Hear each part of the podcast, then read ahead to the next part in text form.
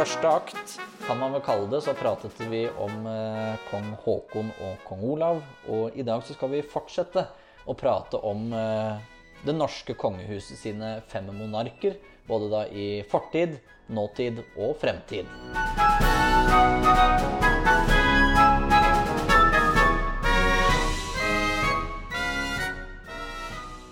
Velkommen tilbake, Tor Boman Larsen.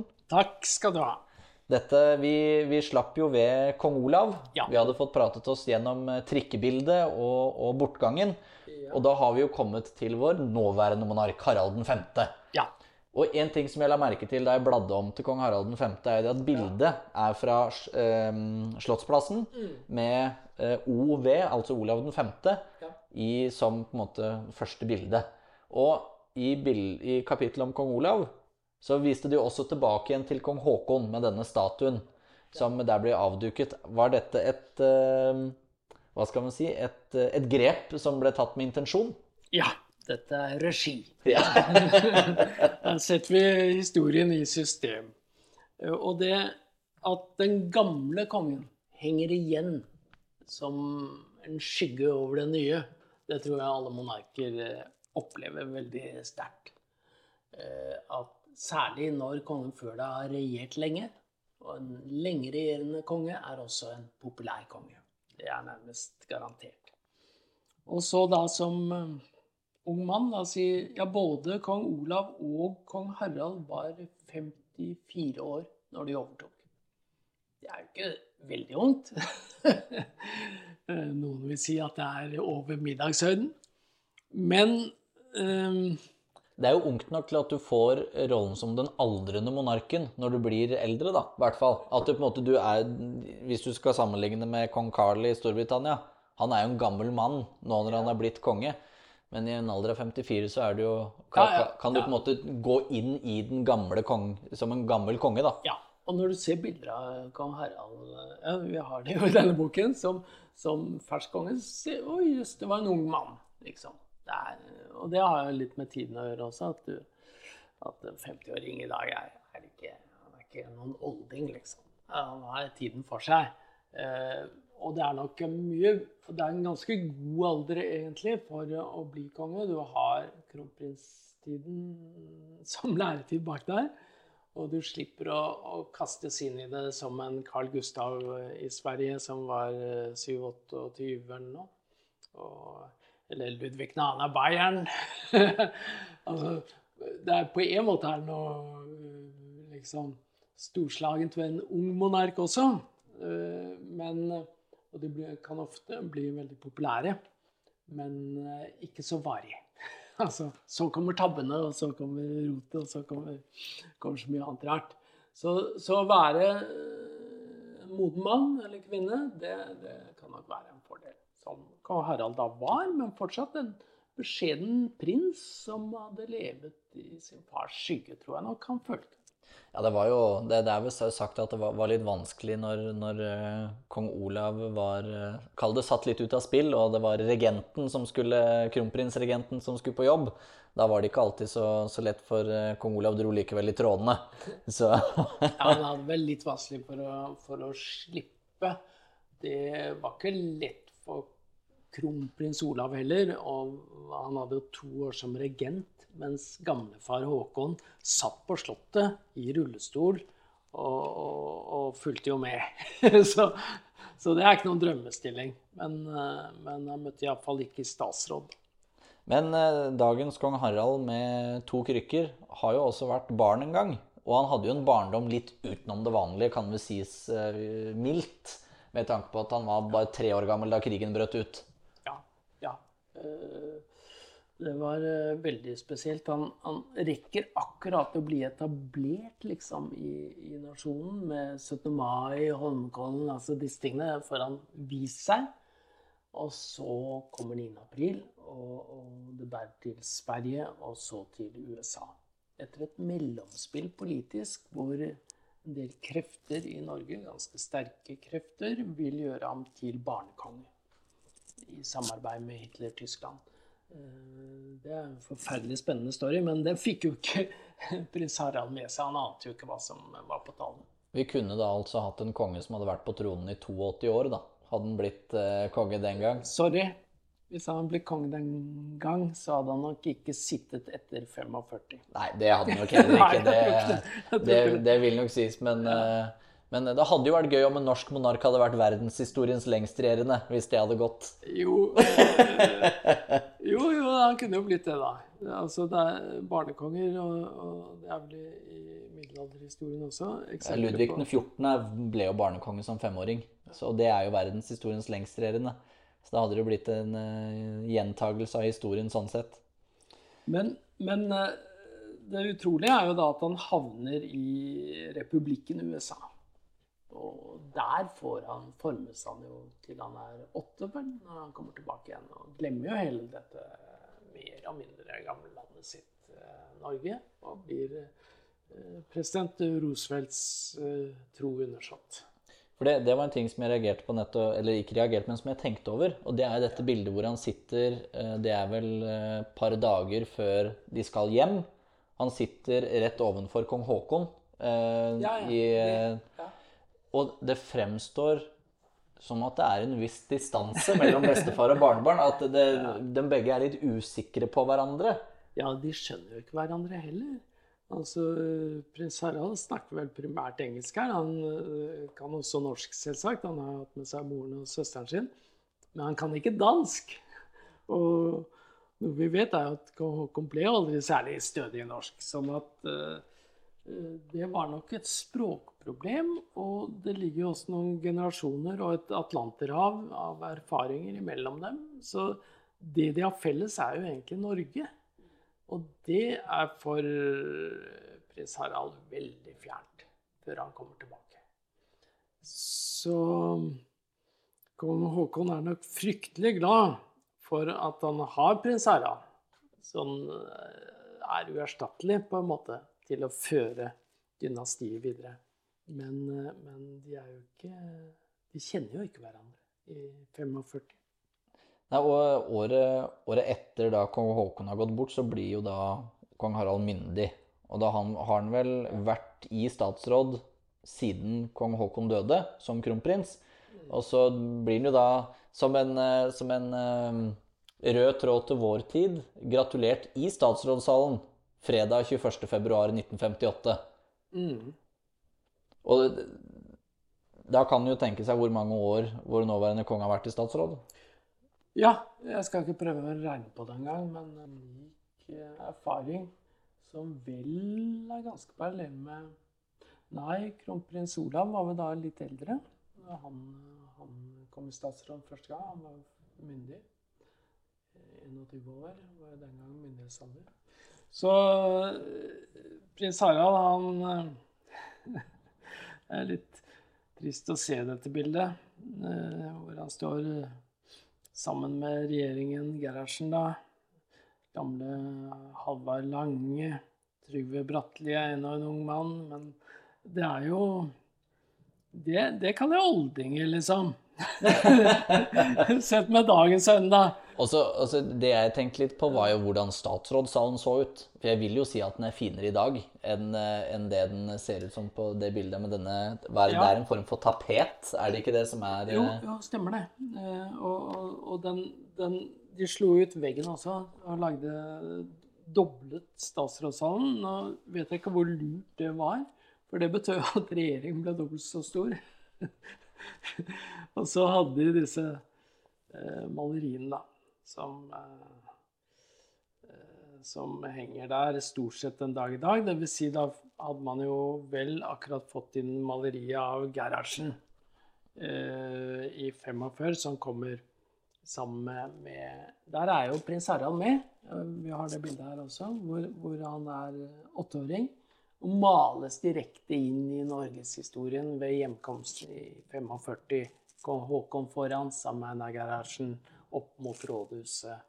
Og, og kronprinsfamilien er mye et lite ekko fra 1905 nesten, hvor han får da gå i land som, eh, som det Norges prins, da. Etter Ja. å ha vært, eh, vært utenlands i fem år pga. en krig. Ja, absolutt et ekko. Eh, Det er jo liksom Og det, det er jo noe i kongehistorien at ikke bare i de store begivenhetene som du nevner der, altså kongetogene, men også året, liksom. Eh, og livet, til og med, er en repetisjon av, eh, av Altså, det samme skjer om igjen, men i en ny tid og med nye aktører. Det gjelder selvsagt merkedager som 17. mai og vinking fra balkongen eller fra Holmenkollen eller hvor det er. Eh, og, men også begivenheter som bryllup, konfirmasjon, myndighetsdag. Dette er en sånn livssyklus som kongehuset løfter opp på et slags konstitusjonelt nivå. Sånn at det angår oss alle, ikke bare i, i privatfamilien, hvor vi opplever noe av det samme. Og så Dette kapitlet om, om kong, kong, Harald Jeg, jeg har prøvd å liksom oppsummere det, ja. det, litt. For eh, det er veldig mye seiling. Det er litt seiler, i hvert fall. Ja. Og så er det jo denne kjærligheten, selvfølgelig. Ja. Og, men også sorg. I hvert fall med på en måte denne talen som du trekker frem, som han holdt på det minnes, eh, den eh, minnekonserten etter 22. juli. Ja, ja. Der hvor eh, han rett og slett feller en tåre, ikke når han snakker om at han er far, bestefar og ektefelle, mm. men som landets konge. Ja. Det, det, det var, var, nesten for symbolsk til å være sant. Eh, for oss som fulgte med på den sendingen, at, eh, at, du, at akkurat der er det stemmen brister når ordet 'konge' kommer. Eh, er du sjenert av dunking? Det var helt fint. Det passer, passer ganske bra, egentlig. Ja, det gjør det. Jævla brua. Ja, ja, ja. Eh, nei, det, det, det, det, var nesten uh, det var eh, veldig sterkt, fordi det er klart at det er eh, en sånn type nasjonalsituasjon hvor, hvor kongens ord får en ekstra dimensjon av vekta. At uh, når kongen uttrykker sin medfølelse, så er det nasjonen som gjør det. Og når det avleses i hans ansikt at han også er på høyde med sin rolle, og med den historiske situasjonen, så, så, er det vanskelig å overgå effekten av det. Eh, deretter så eh, er det denne talen i Dronningparken. Ja. Det er vil, så, Sånn for, for, min generasjon så er vel det kanskje det, det viktigste bildet fra eh, kong Harald sin regjeringstid. Ja. Eh, og den talen han holdt, eh, holdt der. Og kan Tror du den kommer til å stå igjen som uttrykket for kongegjerningen hans? Ja, jeg kaller jo den hans programtale. Eh, og trekker linjen tilbake til Håkon 7. i København i 1905, hvor han tar valgspråket alt for Norge og sier 'jeg skal samle, ikke splitte'. Eh, og kong Harald kom jo da først langt ute i sitt regentskap med denne talen om, om, eh, nasjonen Norge. At vi er et folk. Jeg var til stede der, tilfeld, ikke tilfeldigvis, men jeg var nå i Dronningparken. Og jeg skjønte der og da at dette er spesielt, det han sier nå.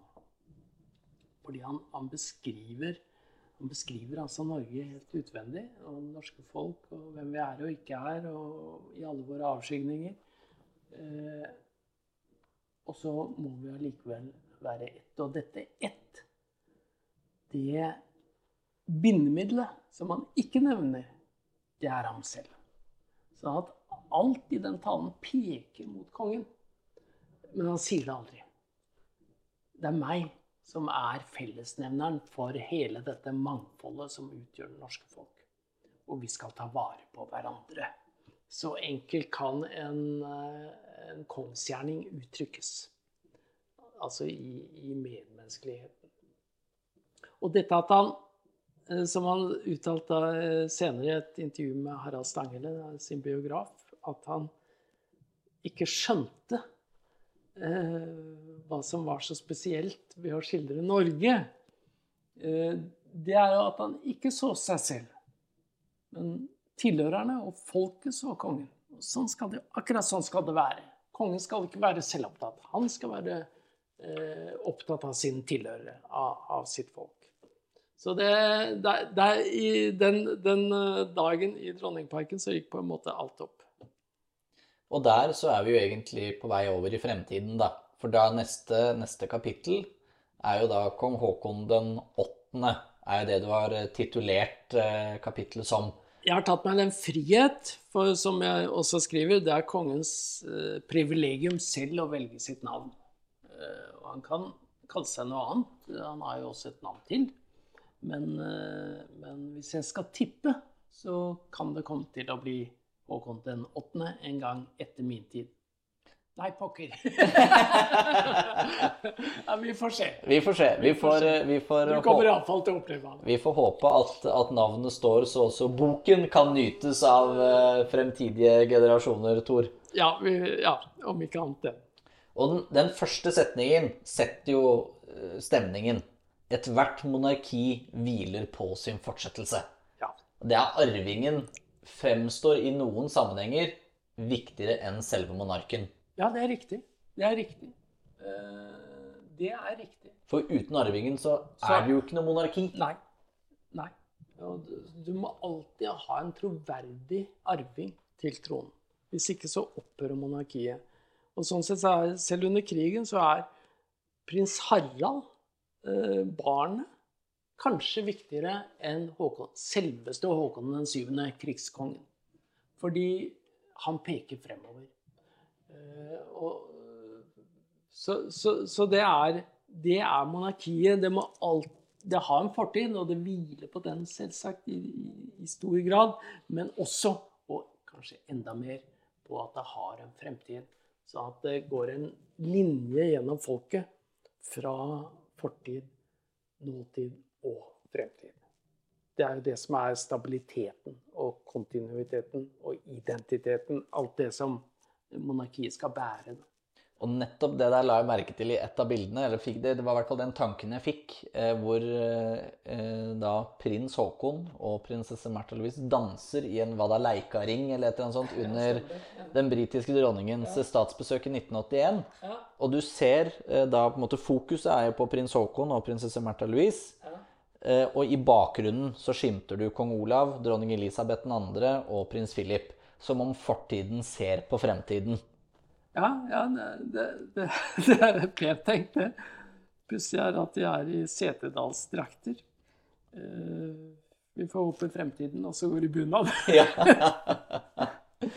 Og så uh, et annet bilde som, som, satte litt sånn stemningen for, for prins og kronprins Haakon, er jo da uh, smilet han har under konfirmasjonsdagen som, som prins. Ja. Eh, og da den alvorstyngede kronprinsen under gallamiddagen på 18-årsdagen hans. Ja, ja. like etterpå. Det, ganske, det, det, fremstår eh, som en sånn tydelig tråd mellom at nå er du noe annet ja. enn eh, en bare prins. Nå er du kronprins. Du er den neste kongen. Ja. Og han bærer eh, storkorset av Sankt Olav. Og så er det jo her på denne hvert fall konfirmasjonsdagen da, så er det jo noe dynastisk over fotografiet. Med da du har eh, selvfølgelig prinsesse Astrid, og så har du kong Carl Gustav, dronning Margrethe den andre, kong Olav, prinsesse eh, Anne, og så er det jo da en, en svensk slektning, han husker jeg ikke navnet på i farta. Carl, så klart. Ja. ja. Som er Carl Bernadotte, vel, for ja. han gifta seg vel uh, utafor de kongelige rekker. Ja. Men, men, det viser jo også denne tilknytningen ut i ut i Europa. Da, mest sementert selvfølgelig med kong, kong, Olav. At det er på en måte det er fra han disse trådene går ut til resten av Europa. Mm, mm.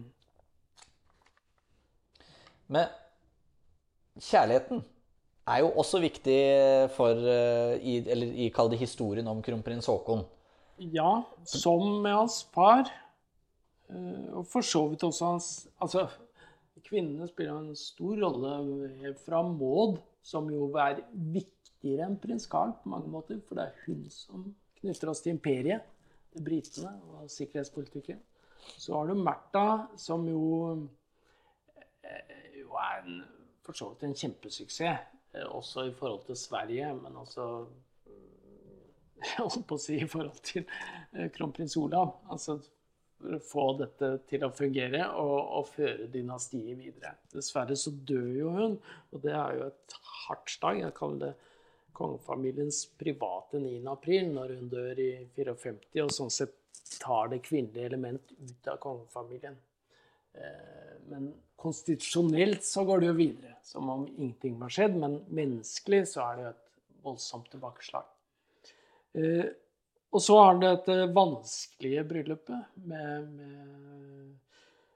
med kronprins Harald og, og, da en borgerlig dame, eh, Sonja Haraldsen, eh, som jo Ja, som det lages TV-serier om. Det er i seg en, et drama. Og så høynes dette et hakk da med, med, med kronprins Haakon, som gifter seg med en alenemor. Og det er jo spesielt at du Fordi dette handler jo om generasjoner i kongehuset. ikke sant? At du har med et barn inn i kongefamilien. Altså Neste generasjon er allerede på plass, men det er ikke han som skal bli eh, tronfølger. Samtidig som han selvsagt får folkets oppmerksomhet og, og kanskje også kjærlighet. Så eh, dette er nær sagt et rojalt eksperiment. Det har jo ikke skjedd før på den måten i, no, i noe land. Eh, Iallfall i moderne tid. Så Men det gikk jo, det også. Slik alt går. Eh, og alt former seg til det beste hvis man vil. Og hvis det er et ønske om det, så kan formene tilpasses realitetene. Og realitetene her var en alenemor med et barn. Og monarkiet skal jo gjerne gjenspeile den den virkeligheten de er i. Og, og, det er jo en virkelighet i dag med gjerne familier med dine, mine, våre eh, i dag, da. Helt riktig, og man kan ikke, man kan ikke ha de rigide reglene for et kongehus som ingen andre familier eller, eller mennesker har. Det, det, vil jo ta et kveltak på det hele. Så at, at det, dette må utvikles, utvikles parallelt. Og jeg sier et sted at det, det er ikke en families vellykkethet eller lykke for den saks skyld. Dette kommer an på. Det er en familie som en hvilken som helst annen. Men den må være levende. Altså, den må være der. Og den må ha en fremtid. Det er egentlig det det henger på. Og så får den utvikle seg eh, slik alle familier gjør. Og nå kan vi ikke vente. Og det er vel og bra. Eh, men det er ikke det det står på, at Norges konstitusjon skal eh, være intakt så eh, er det jo det, kanskje noen av de ferskeste bildene som er i boken, er fra denne grønlandsturen som, eh, som kronprinsen var på. Og da falt meg inn da liksom at kong Haakon den syvende han var venn med polfareren, mens hans oldebarn, den fremtidige kong Haakon den åttende, han er polfareren. ja, det kan du si. Jeg fikk de bildene tilsendt fra, fra Vegard Ulvang, som, eh, som, jo var med på den den ekspedisjonen sammen med Nansen-biograf eh, Harald A. Gjølle bl.a. Så, så den var jo over Grønland, ikke sant? Så, så, den ligger jo fryktelig tett på Nansen. Og kong Haakon sier hadde det ikke vært for Nansen, ville jeg aldri blitt norgeskonge. For det er jo Nansens tilbud, eller forhandling, da, med kong Haakon som fører frem. Ikke tilbudet fra Vel Jarlsberg. Det blir på en måte lagt til sides i den store prosessen. Og så er det Nansen som blir støttespilleren for eh, kong Haakon, som gir han selvtilliten. Og som samtidig også har en ekstrem autoritet i det norske folk. Og, og det er jo eh, For en historisk interessert er det jo eh, spesielt at, at kronprins Haakon da vender tilbake til ødemarken og går i denne Nansens spor over over jeg holdt på å si Hardangervidda, men det er selveste den grønlandske innlandsisen. Det er jo en enorm fysisk prestasjon. Eh, og da selvsagt i en, i en forskningssammenheng, informativ sammenheng rundt klimaproblematikken, som vil bli det store spørsmål i Håkon den åttendes regjeringstid. Og da har vi jo kommet til femte den femte generasjonen i, eh, i, denne historien, i hvert fall. Da er vi langt inne i fremtiden. Ja, langt inn i fremtiden. Du er en eldre mann når ja. vi kommer dit. At Ingrid den første eh, hvis det er det hun nå vil hete, eh, overtar tronen. Og disse to navnene, prinsesse Ingrid Alexandra, det er jo Ingrid går jo tilbake igjen til saga, sagakongene. Ja. Mens Alexandra, det, uh, det, den tråden du trekker, er jo tilbake til keiserriket og keiser Alexander 3. av Russland. Ja, og enda lenger.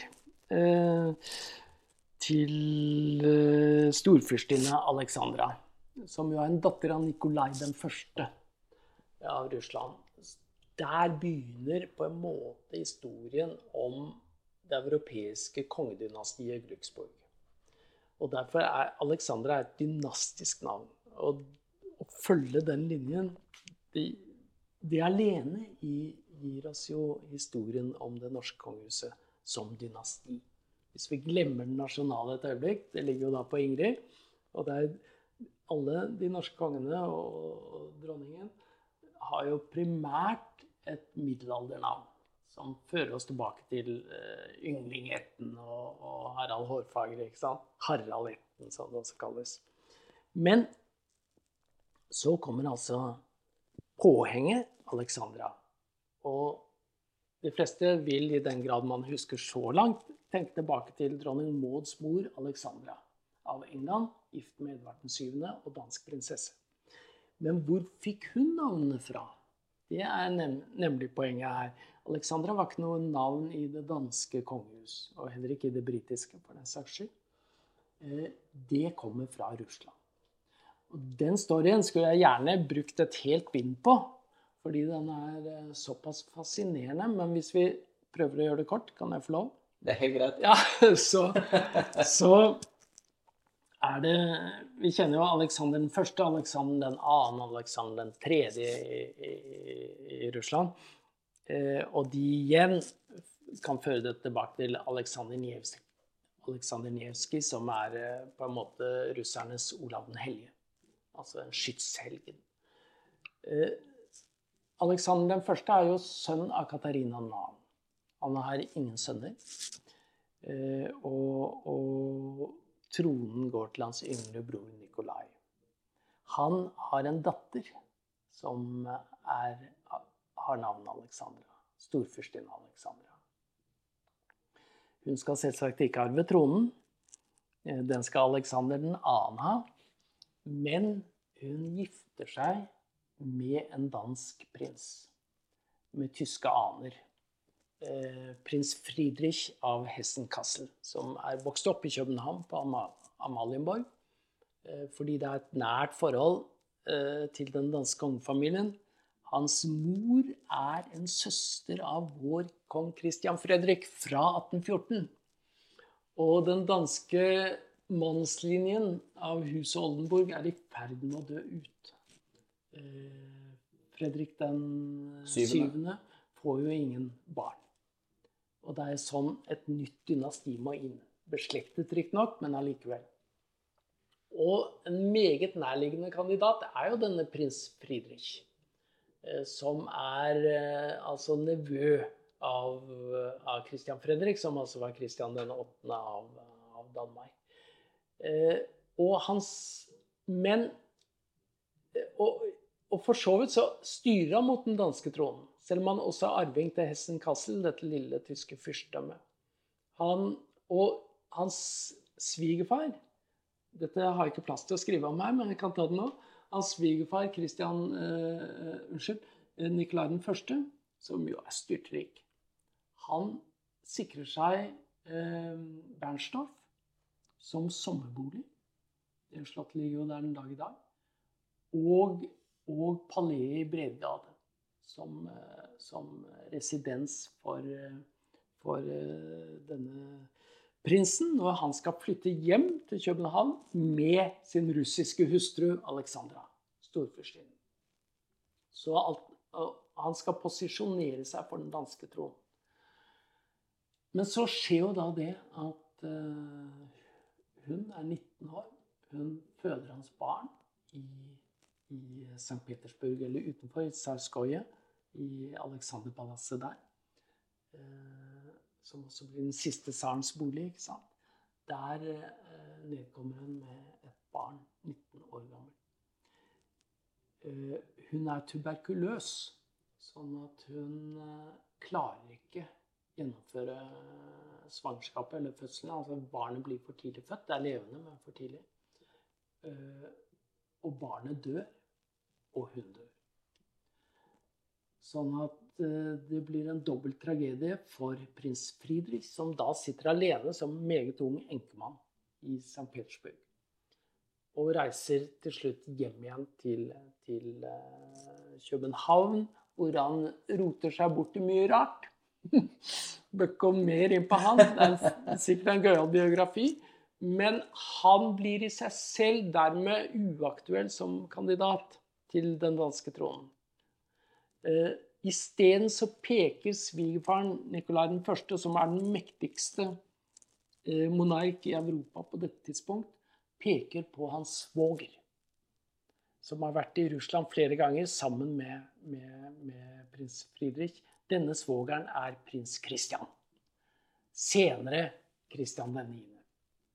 Ung, stilig offiser og gift med søsteren til prins Friedrich, som altså også da er en niese av kong eh, Christian Fredrik.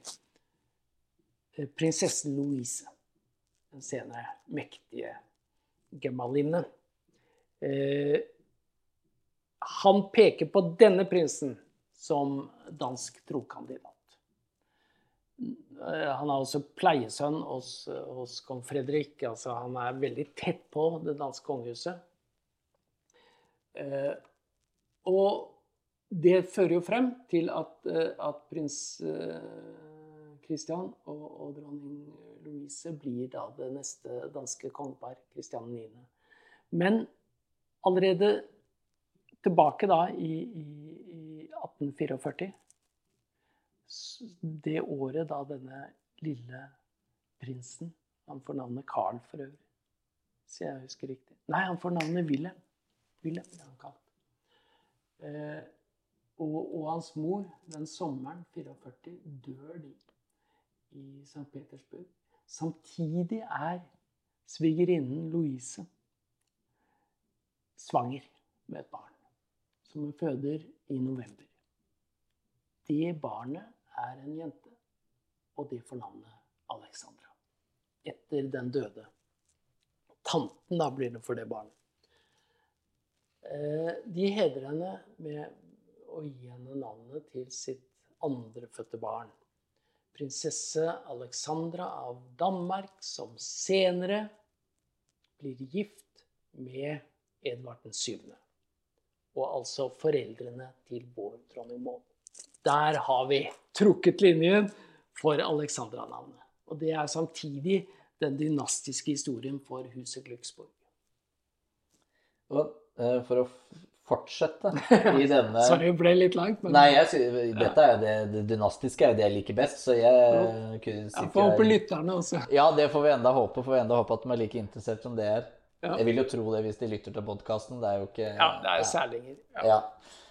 Men eh, det er jo et bilde du har hvor det er disse tre generasjonene foran de norske kronene. Og ja, det er i midten den norske kongekronen. Ja, ja. Det jo er jo et ja, Fabelaktig bilde. Ja, mektig. Viser jo på en måte fremtiden til to av de som står der, og realit virkeligheten til den siste. Da kong, kong Harald, på en måte, som er kongen, og disse to neste som på en måte, i hvert fall symbolsk, muligens reelt òg, hvis vi får det som vi vil, har kronen på hodet. Ja, Eh, jeg tenkte på det bildet fra domkirken der, eller hvilket bilde er du på? Nei, Det er, det er fra 2005 Erkebis, i Erkebispegården. Eh, ja, ikke sant? Av ja. Eh, kong Harald, ja. Eh, ja. kronprins Haakon og prinsesse Ingrid Alexandra. Der, ja. Å oh, nei, nei, nei. Nei, det var ikke nei, det. Ikke sant? Det, det, er to veldig parallelle bilder. Det er det, er der de står foran. De står, jo ikke, de står jo ikke og ser på det. Det er det du tenker Der er det, ja. Der fant vi det. Ja. Det, det, er eh, et fascinerende bilde. Kunne godt vært forside på boken. Det også. For det er vel tatt i eh, 2014? Er det det? Nei, det er ikke det. Det er jo mye, mye, her er det ganske liten, skjønner du. Det er tatt i, til kroningsjubileet i 2006. Ja. Og da er vel hun to år gammel. Ja, det stemmer. Da er hun to år gammel. Ja. For jeg er født i januar, og så kroningsjubileet er i juli. Ja, stemmer. Nei, juni, mener jeg. Juni. Ja, ja, altså to og et halvt, da. Men det, dette med en kvinnelig tronarving, Ja. er det et sterkt kort for monarkiet? ja, det tror jeg helt sikkert. Eh, Et hell for monarkiet og for landet, sånn sett. Og det var jo fascinerende. Jeg har brukt litt tid på å følge den konstitusjonelle utviklingen, da. Eller juridiske. Når det gjelder eh, kvinnelig tronfølge. Og det er jo en bedrøvelig historie. Og det er veldig, veldig bra at det nå blir realisert, da, altså for kjøtt og blod. Fordi ikke minst eh, Man har jo vært inne på kvinnelig tronfølge opp gjennom eh, seklene og, og de forskjellige kongelover, men det verste tilbakeslaget kom jo på Eidsvoll, hvor vi liksom blir demokratiske. Da skal vi huske begrepet 'fedrene på Eidsvoll'. Det er mennene som da stryker kvinnene helt ut av enhver arvelov. Under eneveldet så var det en mulighet, hvis alle menn var døde, og alle land lå øde, så kunne, så kunne kvinnen faktisk regjere. Altså man erkjente at kvinnen hadde de egenskaper som skulle til for å styre et land. Så i det lå det jo en likestilling godt skjult. Når vi kommer til Eidsvoll, vekk med det hele. Kun mannlig tronfølge. Og den Det er ikke så originalt for Norge. Det, det gjaldt jo de fleste lands, med noen nyanser. Eh, Og så skal vi altså helt opp til, til 1990-tallet for at det blir endret. Eh, Og det er jo utrolig sent eh, når vi tenker på Altså det er som om Men det er klart, det er jo noe med monarkiet som ligger i- his, Det har liksom sin egen historie, da, sin egen takt. Og det er jo en konservativ institusjon, det må jo innrømmes, som på en måte har sin styrke i å, i å trekke de lange linjer og, og, og vise altså de, de hviler på, på at, at ting gjentar seg. Vi er de vi alltid har vært, på en måte. Men samtidig skal det jo revideres, sånn at, at vi kan kjenne oss igjen i dette bildet. Så det er ikke så rart at det gikk litt sent, men at det ble Kåre Willoch og, og Høyre som da til slutt tar det initiativet, da. Enda mens kong Olav eh, regjerer, faktisk. Og, og, og får eh, også likestillingen inn i, i, i kongehuset. Og det er jo selvsagt viktig fordi kongehuset jo skal speile folket og, og nasjonen. Og da eh, kunne det jo selvsagt blitt eh, prins Sverre Magnus som ble født først, og da måtte vi vente enda en generasjon, eller kanskje enda en. For tilfeldighetene spiller jo selvsagt også inn her, men, men jeg tror det er fint for, for, for landet å kunne se for seg at nå også der fremme venter en kvinnelig tronfølger. Og med den, eh, det lange blikket inn i fremtiden, så kan vi vel kanskje si oss ferdig også med denne episoden. Eh, tusen takk, Tor Boman Larsen, for at du ble med oss og pratet om den eh, nye boken din. Et billedverk ved navn 'Fire konger og én dronning', kong Haakons arvinger på den norske tronen. Jeg anbefaler alle våre lyttere å ta en titt på den. Jeg koste meg veldig med den, og det vil nok de også gjøre. Så tusen takk, Tor. Takk for det. Så vil jeg da avslutte med et sitat av deg fra boken, den siste setningen. Ok? Kongeriket Norge er, var og blir.